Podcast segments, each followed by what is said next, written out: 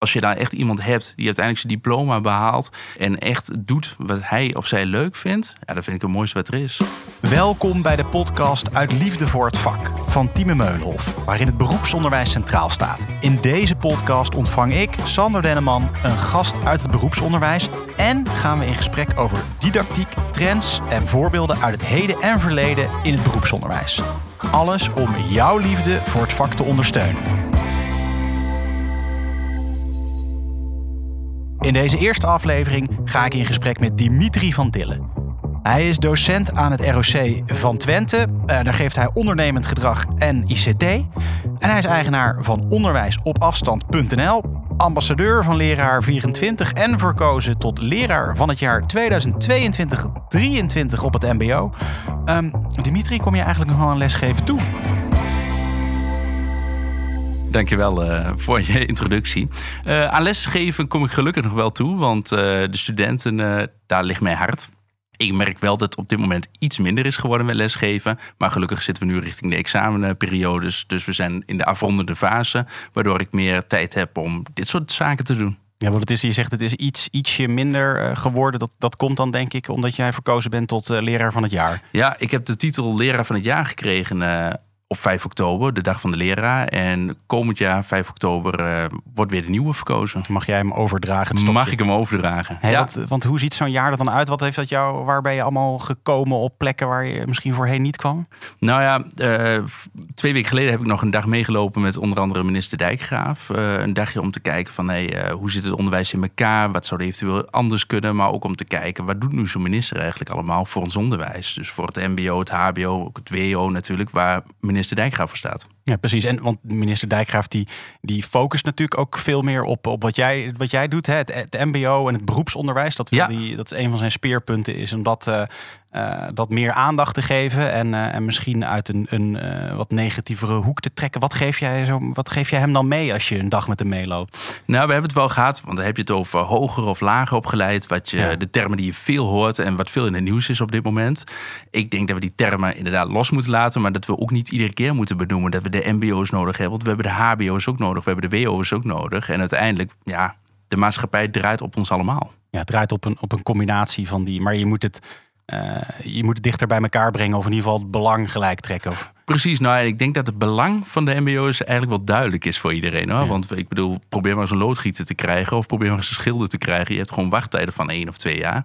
En ik denk uiteindelijk dat uh, mensen nu ook gerichter gaan kiezen voor een vak. Dus waar ze eerder zouden denken van... hé, hey, ik wil per se wil ik die advocaat worden... of wil ik uh, administrateur worden op een hbo of een wo-niveau... zie je nu ook dat mensen gewoon kiezen van... hé, hey, maar eigenlijk hoeft dat niet per se. Als ik echt doe wat ik leuk vind, dan zit ik op de juiste plek. En is, is er dan misschien meer aandacht gekomen voor de, de, de lol van, uh, van het vak, van het onderwijs? En uh, ik hoop vooral dat de studenten hun hart volgen. Dat ze denken van, hé, hey, ik wil graag schilder worden...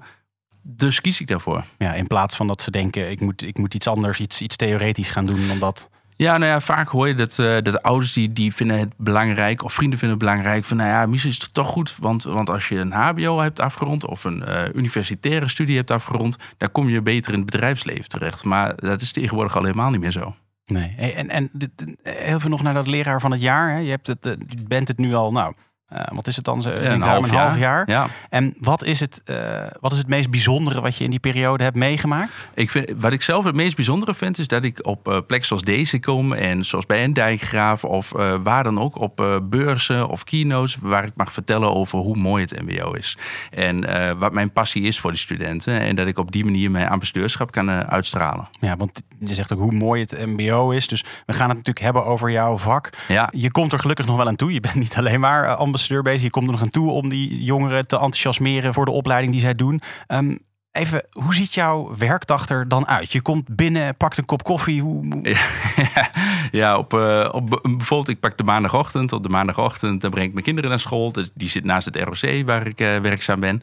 Dan pak ik een bak koffie. En om half negen begint gewoon de eerste les. Dus dan beginnen we met het uh, vak ICT. Dus we kijken van, hey, welke opdrachten moet je nog afmaken? Of waar ben je mee bezig? En hoe versterkt het ICT-gedeelte, dus de technologie, uiteindelijk je baan?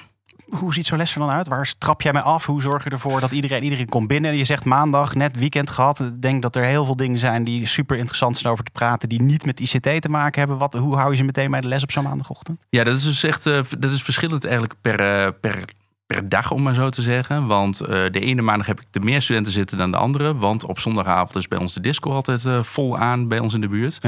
Ja. Um, maar om ze erbij te betrekken, meestal zetten we een actieve werkvorm in. En ik kijk ook, wat hebben de studenten nodig? Sommige studenten die uh, krijgen beter les op afstand. Dus ik heb ook mensen die standaard online inloggen op maandagochtend. Maar ik heb ook studenten die uh, gewoon in de les zitten. Die bijvoorbeeld anderstalig zijn en extra les nodig hebben. Ja, dus dan kijk je echt naar het... Uh, gewoon echt, je, je stemt het echt af op de individuele leerling dan? Ja, ik vind het heel belangrijk. Want ik, ik denk dat het ouderwetse lesgeven, alleen maar uit een boek prediken en de opdrachten maken, dat dat niet meer werkt in deze tijd. Want uh, nou ja, waarschijnlijk heeft dat vroeger ook niet gewerkt, maar ieder, ieder individu is natuurlijk anders. En iedereen leert op zijn of haar eigen manier. En het is zo zonde dat we daar niet meer gebruik van maken. Ja, maar dat lijkt me best wel, lijkt me best pittig. Want dan, jouw klas bestaat uit, nou, wat, wat is het, 20 uh, eh, gemiddelde klas? ja, mijn zijn nu op 14 uh, studenten. 14 studenten, ja. ja. Dus heb je 14 studenten. Die wil je allemaal individueel benaderen. Een deel zit thuis, allemaal achter, andere achtergrond. Uh, hoe, hoe, krijg je dat voor elkaar? Dat betekent eigenlijk dat je een soort van 14 lesmethoden moet Ja, zo, uh, zou, zo zou je het kunnen zien inderdaad. Nou, je, het hele jaar door bouw je eigenlijk natuurlijk wel een band op met de student. Dus je weet ook van hey, wie acteert of wie krijgt beter les uh, online. Of uh, wie kan goed zelfstandig werken. Of wie kan beter in de groep werken. En op die manier krijg je eigenlijk een beetje subgroepjes. Dus als ik kijk naar mijn klas, dan heb ik bijvoorbeeld. Uh, studenten met een migratieachtergrond die wat extra taalles nodig hebben. Die zitten voor bij mij bij de instructietafel. Maar ik heb ook studenten die zeggen, nou, ik moet wel gewoon op school zijn. En ik volg mijn les gewoon uh, achter in de klas. Dan kan dat. Maar ik heb ook studenten die zeggen, nou, ik zit het beste bij de Starbucks. Nou, dan ga lekker daar zitten. Maakt jou niet zoveel, maakt je niet zoveel uit? Nee, want het is ook een beetje het vertrouwen wat je moet hebben van je studenten uiteindelijk, vind ik. Uh, uh, wat je dan terug kan geven. Ja, wat, wat ik interessant vind, ik, uh, ik heb wat dingen natuurlijk over jou zitten lezen in voorbereiding op dit gesprek. En wat, mij, wat, wat mij heel erg opviel, is dat er een aantal terugkwam. Dat je zegt, uh, dat heeft misschien niet eens keihard met onderwijsvaardigheden te maken. Maar dat je ook zegt, joh, ik wil eigenlijk studenten ook uh, laten reflecteren op hun gevoel. Ja. Um, en, en vanuit dat gevoel ze uitnodigen om hun keuzes te maken. Dat, dat, Klinkt bijna misschien alsof je, weet je, dat, dat, dat is bijna geen docentschap meer, maar misschien ouderschap of zo. Snap je wat ik bedoel? Dat, dat vond ik wel heel interessant. Nou, ik vraag me wel eens af of uh, de docent eigenlijk niet een stukje een verlenging is van, uh, van het familieleven, om maar zo te zeggen. Want ik vind dat je bij de studenten moet je de, de passie zien te ontdekken, maar ook de talenten uh, zien te ontdekken. Want laten we eerlijk zijn, toen ik 16 was, ik deed een studiekeuze omdat mijn vrienden er zaten. Ja. Mijn vader zei, ja, ICT, dat moet je gaan doen. Daar is uh, de toekomst mee te verdienen. Ja. En als ik nu terugdenk, denk ik van ja, daar had ik dus echt niet moeten gaan doen. Nee, dan was je, dan was je na twee dagen al gestopt. En dan was ik inderdaad al veel eerder gestopt. Ja, en, en, en want, want slaat dat aan? Want dat is natuurlijk ook wel. Nou ja, als, als ik. Per leerling kan dat heel erg verschillen, lijkt me. Ja, absoluut. Als ik dus kijk bij mijn uh, studenten en ik ben op zoek naar hun passie of hun talenten. Ik doe bijvoorbeeld de bucketlist uh, lessenserie, doe ik altijd met ze. Dat vind ik altijd prachtig om mee te starten. Wat, wat is dat? Nou, ik ben zelf, uh, ben ik 13 jaar geleden ben ik heel ziek geweest. En op dat moment dacht ik, hé, hey, wat wil ik nou eigenlijk echt in het leven? Dus ja. met een goede fles whisky ben ik gaan zitten een hele avond door wat wil ik nog allemaal. Ik heb alles opgeschreven wat ik wilde doen en dat doe ik dus nu ook. En een daarvan was de docenten worden die ik zelf nooit heb gehad. Ja. Dus daar probeer ik mee impact te maken op mijn studenten. En de bucketlist les, les bij mijn studenten is dus dat ik eigenlijk begin met hun van... hey, wat zijn nou kleine doelen, wat zijn grote doelen? Waar wil je naartoe werken? En in het begin is het altijd hetzelfde bij die kinderen. Want ze willen allemaal veel geld verdienen. Ze willen een dikke auto willen ze hebben en een ja. groot huis willen ze hebben. Maar als je ze echt aan het denken zet en je zit met ze... en je hoort de verhalen echt van hun... dan merk je wel dat ze graag een baan willen hebben, zodat ze later op zichzelf kunnen wonen. En dan pas merk je van, hé, hey, maar zo de ene hoeft niet per se een eigen bedrijf te hebben, want ik nee. geef uh, les bij de opleiding retail. En die zegt van, nou, ik wil eigenlijk geen eigen bedrijf. Ik zou bijvoorbeeld wat meer richting de uh, uh, zorg, verzorgende kant op ja. willen gaan. En dan vraag ik me af, maar waarom zit je dan hier? En dan gaan we verder het gesprek op door. En dan laat ik ze ook bijvoorbeeld proeven dat ze zeggen van ja, maar ik, ik ben niet zo goed bij zorg wat ik daarmee uiteindelijk kan. Nou, dan gaan we naar de zorgafdeling, gaan we eens kijken of die daar beter past. Ja, dus dit, dat is wel interessant, want dat betekent dat als er iemand uh, bij jou in de, in, de, in de klas komt, bij jou onderwijs gaat volgen, dat je eigenlijk ook uh, geen oogklep. Het is een startpunt voor jou dan. Het is zeker een startpunt. Want uh, nou, ik, doe jij precies waar jij voor hebt gestudeerd? Toen je nee, absoluut niet. Nee ik, Heb, ik heb recht gestudeerd en zit nu met jou een gesprek te voeren over onderwijs. Dus, uh... Nou ja, ik, ik bedoel maar, uh, ik denk dat 90% iets kiest en dat maar 10% echt kiest waar zijn of haar hart ligt. En dat is zo zonde. Dus je kunt je ook afvragen, want volgens mij binnen het MBO heb je van 361 uh, opleidingen waar je uit kunt kiezen. Ja, in hoeverre weet jij dan als 16-jarige al wat je wil gaan worden van die 360 uh, verschillende ja. opleidingen? Nee, maar ik vind het wel mooi dat je dat zegt. Want het voelt misschien wel voor heel veel leerlingen, heel erg, heel veel studenten, heel erg eh, definitief zo'n zo'n keuze. Um, uh, maar als ze tegen, ja, als ze een docent hebben zoals jij, dan, uh, dan is het natuurlijk veel vrijer en misschien ook minder grote drempel om, om een keuze te maken. Ja, dat hoop ik. Ik hoop dat uiteindelijk alle docenten natuurlijk gewoon er zo in staan en dat zij uh, willen dat zijn of haar student op de juiste plek komt. Ja, want is dat, is dat wat je het, uh, het, het, belangrijkste vindt aan, aan lesgeven? Wat, wat... Zeker. Ik bedoel, als je daar echt iemand hebt die uiteindelijk zijn diploma behaalt en echt doet wat hij of zij leuk vindt, ja, dat vind ik het mooiste wat er is. Ja. En dat, dat, dat is uiteindelijk waarvoor je het doet. Tuurlijk. En, ja. en uh, uh, sla, bij hoeveel, hoeveel leerlingen, hoeveel studenten slaag jij daar dan in?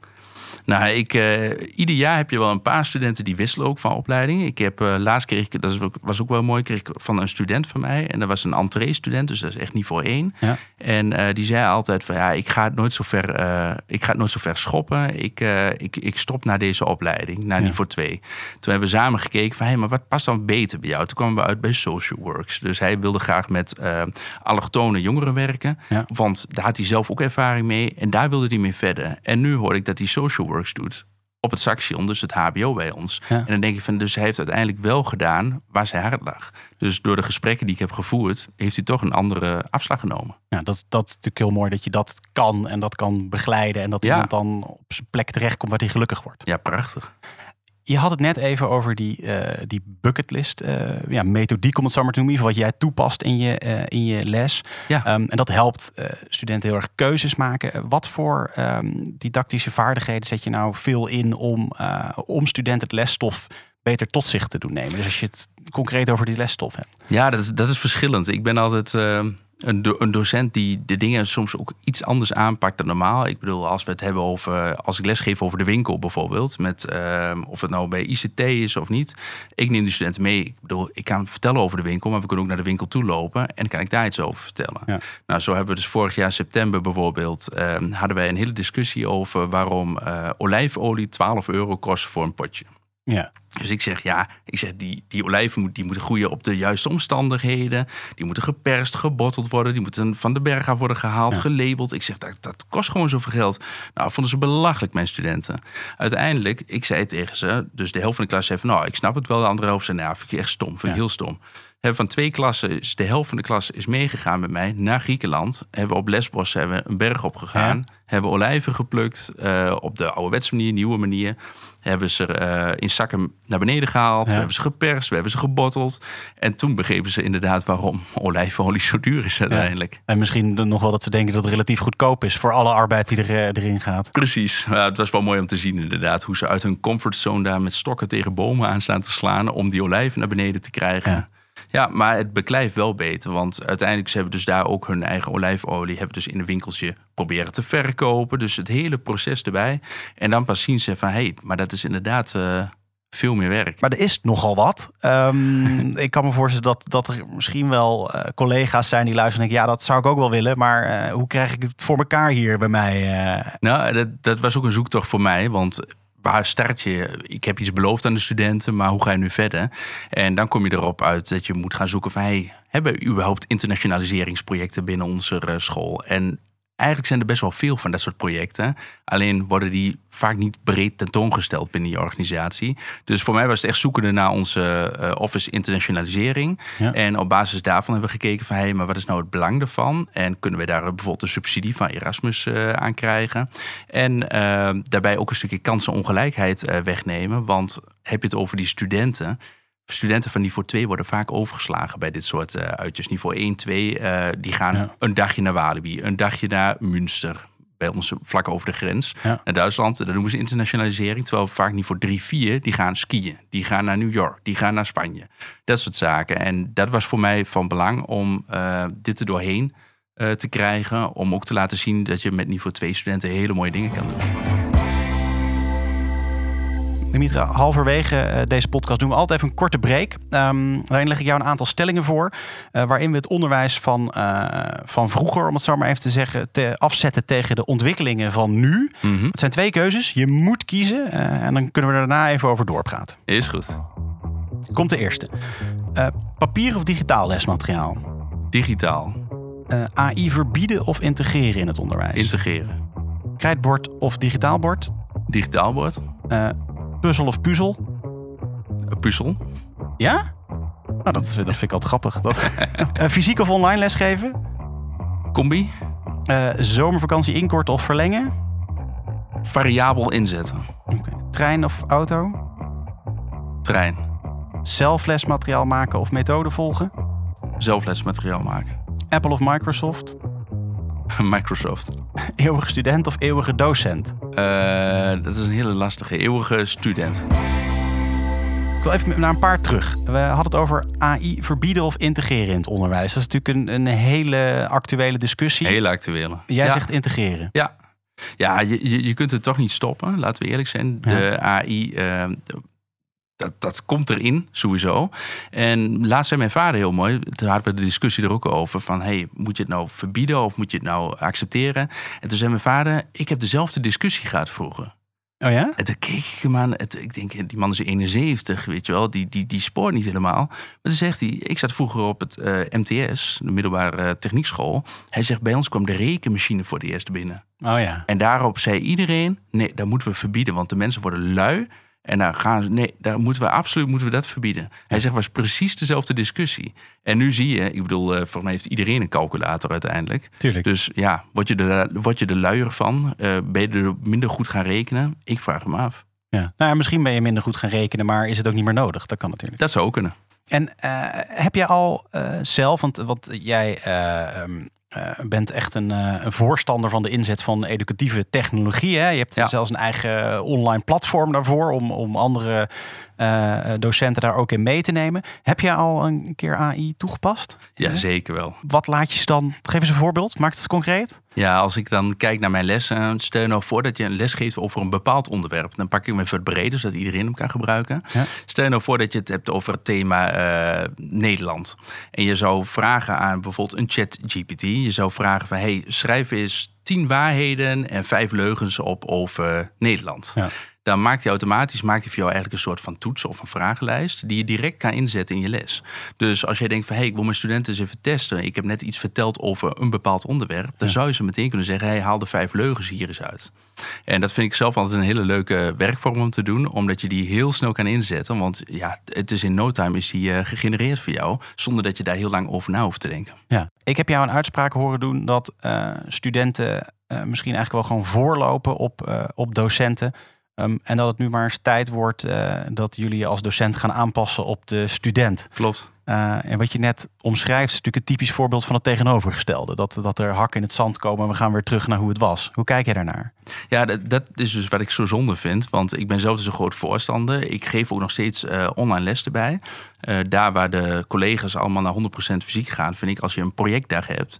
Ja, als je naar school wil komen, in het klaslokaal wil zitten, op zo'n projectdag, kom lekker naar me toe. Ik kan die extra uitleg doen. Maar denk je van, hé, hey, ik kan dit vanuit de Starbucks doen met mijn vrienden. Doe het lekker vanuit de Starbucks eh, met je vrienden. Dat maakt me helemaal niks uit als je je opdrachten maar uiteindelijk doet. Maar bij de meeste collega's zie je toch van... ja, nee, ik vind het toch vind ik het fijner om ze weer echt eventjes te zien. En dat heb ik zelf ook hoor. Ja. Ik wil ze ook graag, wil ik ze zien, wil ik ze horen. Ehm, maar uiteindelijk denk ik toch dat ze er ook baat bij hebben. Wil je de beroepsgroep voorbereiden op de toekomst? Ik bedoel, laten we eerlijk zijn. Straks als je bij een bedrijf werkt... ik denk niet meer dat je alleen maar bij het bedrijf zelf zit. Je gaat ook online werken, je gaat ook thuis werken. En daar moeten die studenten dan ook in worden eh, getraind. Ja, want als ze dat niet kunnen, dan zijn ze gewoon niet klaar voor het werk wat ze straks te wachten staan. Precies. En wat zit er dan eh, toch bij collega's in, denk jij, dat, ze, eh, dat, dat, dat daar toch een bepaalde weerstand zit? Daar ben ik wel benieuwd naar. Ja, ik, ik denk zelf dat het ook een beetje is dat ze eh, angstig zijn voor hun eigen beroep misschien wel. Ja. Want eh, als jij online of je kunt in één keer, kan ik vier, vijf klassen tegelijk doen. Dat betekent dus dat je minder docenten nodig hebt. Ehm, ik denk dat een stukje digitale didactiek, dus online, die, bijvoorbeeld stel je nou voor je geeft een online les, eh, eh, werkvormen, moet je op een andere manier eh, doen. En dat is een hele andere tak van sport dan wanneer je het fysiek doet. En ik denk dat heel veel docenten daar gewoon zich niet ehm, ja, meer ervaren genoeg in voelen. Vandaar dus ook de website onderwijs-op-afstand.nl om mensen daar te laten zien van... hey, kijk, we hebben al verschillende werkvormen. Je hoeft niet alles zelf te verzinnen. We kunnen elkaar ook helpen op deze manier. Ja, en, en want, want hoe help jij collega's in het vak die, die, ja, die, die zo'n angst hebben? Nou ja, als ik kijk bij mijn eigen team, die heb ik echt meegenomen van hey, wat voor soort werkvormen hebben we allemaal? Wat werkt eh, wel, wat werkt niet? Hoe kunnen we samen werkvormen eh, maken online? En ik heb er ook gewoon bij gezeten bij de lessen. En dat is ook iets wat we veel te weinig doen. Hè? Kijken bij elkaar in de keuken. Dus als ik kijk bij mijn collega's, bij mij in de, les zelf. Het is toevallig, omdat ik het stukje online didactiek eh, graag doe, dat ze bij mij meekijken. Maar bij elkaar in de, in de keuken kijken doen ze bijna niet. Nee? Is, Nee. is, is er niet een soort van eh, vaste intervisie of zo? Nee, dat zou je haast denken. Hè? Nee, Ja. maar dat, dat, dat zit niet eh, bij ons in het curriculum. Nee, en, en d- dit is natuurlijk wat, eh, wat de docenten ermee moeten en, en wat voor eh, gevoelens en misschien soms angsten eh, er leven bij, bij je collega's. Ehm, eh, maar je geeft al heel duidelijk aan, joh, uiteindelijk moeten we onze studenten klaarmaken voor, voor de wereld hierna. En die ziet er simpelweg zo uit. Hoe reageren zij nou op deze manier van, van werken? Ja, dat, is, dat ligt ook een beetje aan hoe senior de, senior de eh, docent is. Ja. Hoe oud ze zijn. Eh, de ene zegt van nee, nee, dat hoeft voor mij helemaal niet meer. Weet je wel, laat mij maar gewoon lekker mijn, eh, mijn fysieke deel doen. En de andere zegt van ja, ik zie het belang wel. En die willen zich wel ehm, om laten trainen. Dus een stukje professionaliseren Ja. op gebied van het online gedeelte. En daar kijken wij binnen ROC van Twente ook wel naar van hé, hey, maar waar ben je goed in? En want als ik een docent heb van nou ja, ik noem maar op eh 65, die zegt ja, dit wil ik echt allemaal niet meer, want ik ben bijna klaar en Ja. ik wil liever het fysieke doen, dan moet hij dat lekker doen. Nee, dan moet hij gewoon lekker zijn, zijn, zijn ding doen. En, en dat dient misschien ook nog wel een. eh, ik bedoel, er zijn natuurlijk enorme generatieverschillen op de arbeidsmarkt. Dus, de- dus ik kan me voorstellen dat studenten ook nog wel baat hebben bij eh, les krijgen van een generatie die er misschien anders over denkt voor. eh. Absoluut, absoluut. En Daar, houden ze, daar hou je zo kritisch natuurlijk, hè? Ja. Hey, en die studenten zelf, wat is eh, als je ze zegt van nou, we, we hebben best wel een eh, mix-and-match situatie wat bij jou past. Wat is dan hun reactie? Want ik kan me misschien ook wel voorstellen dat ze denken, ja, dat, dat is nog meer keuze. Geef mij nou maar gewoon duidelijkheid. Ik moet hier dan zijn en dan moet ik dit doen. Ja, nou, die, die keuze in het begin moeten ze altijd bij mijn lessen zijn. Dus eh, wanneer we starten met het schooljaar, want ik moet natuurlijk eerst weten wat voor vlees ik in de kuip heb. En uiteindelijk, wanneer ze dan, eh, wanneer we het hebben geprobeerd, dus we gaan een keer projectmatig werken op afstand, we gaan dit doen, we gaan dat doen, dan vertel ik ze ook van, volgens mij zouden jullie er baat bij hebben om het online te doen. Zullen we het eens proberen? Dan gaan ze het proberen. En werkt het niet, dan zijn ze natuurlijk altijd welkom eh, in mijn klaslokaal. Ja, dus Die staat altijd, de deur staat er altijd open. ja. Wat gaat er op dit moment echt enorm goed door de hele linie heen? Als jij er naar kijkt en wat zou er nog wel iets beter kunnen? Hoe over de volle breedte of bedoel je over Ja. het stukje digitalisering? Nou, gewoon over de volle breedte. Over de volle breedte. Het is een grote vraag. Nou, ik, ja, ik vind het, eh, wa- waar we het het begin van het gesprek ook over hadden, het imagoprobleem, vind ik al een stuk minder worden. Ja. Ik merk wel dat studenten er nog steeds wel last van hebben. Ja. Eh, zeker als zij bijvoorbeeld naar een eh, studentenfeest willen gaan of zo, dan is het altijd de vraag inderdaad, hey, heb je wel HBO? Of, Ja. nou ja, dat verdwijnt gelukkig eh, langzaam. Ehm, dus dat vind ik eigenlijk wel eh, goed gaan. Nou en wat ik dus minder vind gaan, is het stukje het omarmen van al die mooie geleerde lessen. Ja. Wat zou je nou eh, eh, samen willen bereiken met eh, andere docenten? Als je moet kijken naar de, de toekomst van het MBO, wat zou jij. De toekomst van het MBO, dat is, dat is heel breed. Ik heb het de laatste over gehad met eh, minister Dijkgraaf bijvoorbeeld. Van hoe tof zou het zijn als je een eerste brede basisjaar zou hebben. Ja. En of dat nou op het VMBO al moet zijn of op het MBO. Dat is een beetje eh, Mhm. eh, een discussie waar ik me liever niet in eh, meng. Maar om te kijken waar je kunt zeggen van... hé, hey, wil ik dan handel doen? Of wil ik misschien liever richting de zorg? Dat je een aantal uitstroomprofielen zou kunnen proeven. Ja. En aan de hand van, die, uh, van het proeven van die verschillende profielen, dat je dan een gerichtere keuze kan maken. Ik denk dat je daarmee ook ervoor zorgt dat er heel veel uh, uitval beperkt wordt uiteindelijk. Ja, omdat ze gewoon eigenlijk een, een jaar vrij spelen, om het zo maar te noemen, hebben. Waarmee ze met van alles in contact komen en echt kunnen proeven wat ze leuk vinden. Nou ja, precies. Kijk, zoals Nederlands, rekenen, burgerschap, dus de, de, de, de brede vakken, die blijven toch wel bestaan. Ja. Uh, daarbij zou je wel kunnen zeggen van, hé, hey, ik ga richting de verzorgende. En ze kunnen daar bijvoorbeeld op een maandagmiddag uh, kunnen ze het stukje zorg proeven. En op dinsdagmiddag kunnen ze een stukje ICT proeven. En op woensdagmiddag gaan ze uh, kantklossen, bij wijze van spreken. Dat maakt niet uit. Maar dat ze dan op die manier kunnen gaan kiezen van hey, welke richting zou ik op willen. Ja, en uh, dat is natuurlijk eigenlijk wel wat jij ook een beetje doet, maar dan vanuit jouw vak. Ja, maar dan, dat, dat is echt heel minimaal inderdaad. En, maar het zou mooi zijn als dat breder getrokken kan Als het echt een, echt een programma wordt. Ja. Wat is het uh, allergrootste compliment dat een student jou kan geven als, als docent? Uh, ik vind het mooiste, en ik krijg ze regelmatig gelukkig, als ik een berichtje krijg van een student van nou meneer, ik heb nu bijvoorbeeld mijn droombaan gevonden of ik heb mijn vervolgstudie gedaan wat ik graag wilde doen. En dan maakt me eigenlijk niet zo heel veel uit wat. En ik ben een keer uitgenodigd door een student die uh, me op zijn uh, bruiloft had uitgenodigd. Omdat hij uiteindelijk door het wisselen van zijn opleiding zijn vriendin had ontmoet. En daar ging hij mee trouwen uiteindelijk. Oh, dat is wel, dat is wel echt. Ja, vond ik echt super tof. Ja, dat is super persoonlijk. Dimitri, dankjewel voor dit gesprek. Um, ik heb superveel geleerd, ook over het, blended leren en, uh, en jouw passie om, uh, ja, om educatieve technologie in te zetten. Ik kan me voorstellen dat er uh, misschien wel meer mensen zijn die dat na het luisteren van dit gesprek ook, ook willen. Je hebt daar een platform voor. Hoe komen we daar terecht? Wat vinden ze daar? Ja, ik heb in de tijd van corona heb ik samen met Lars Knol, die in het voortgezet onderwijs werkt, heb ik www.onderwijs-op-afstand.nl opgezet. En dat is echt om kennis te delen aan al mijn collega's in het land. En een heel groot item daarop is het stukje online uh, didactiek. Dus werkvormen, energizers en dat soort zaken. Leuk. Um, je kan hem trouwens ook gewoon vinden als je onderwijs op afstand googelt. Kom je er zonder de streepjes ook terecht. Mocht je Zeker. het uh, verkeerd spellen of alle koppeltekens niet helemaal uh, raak schieten. Um, Dimitri, nogmaals hartelijk dank voor dit gesprek. Je luistert daarna een aflevering van Uit Liefde voor het Vak. Wil je nou niets missen? Abonneer dan via je favoriete podcastplatform. En wil je meer weten over Tieme Meulenhof? Dat kan. Ga dan naar tiememeulenhof.nl. Tot snel.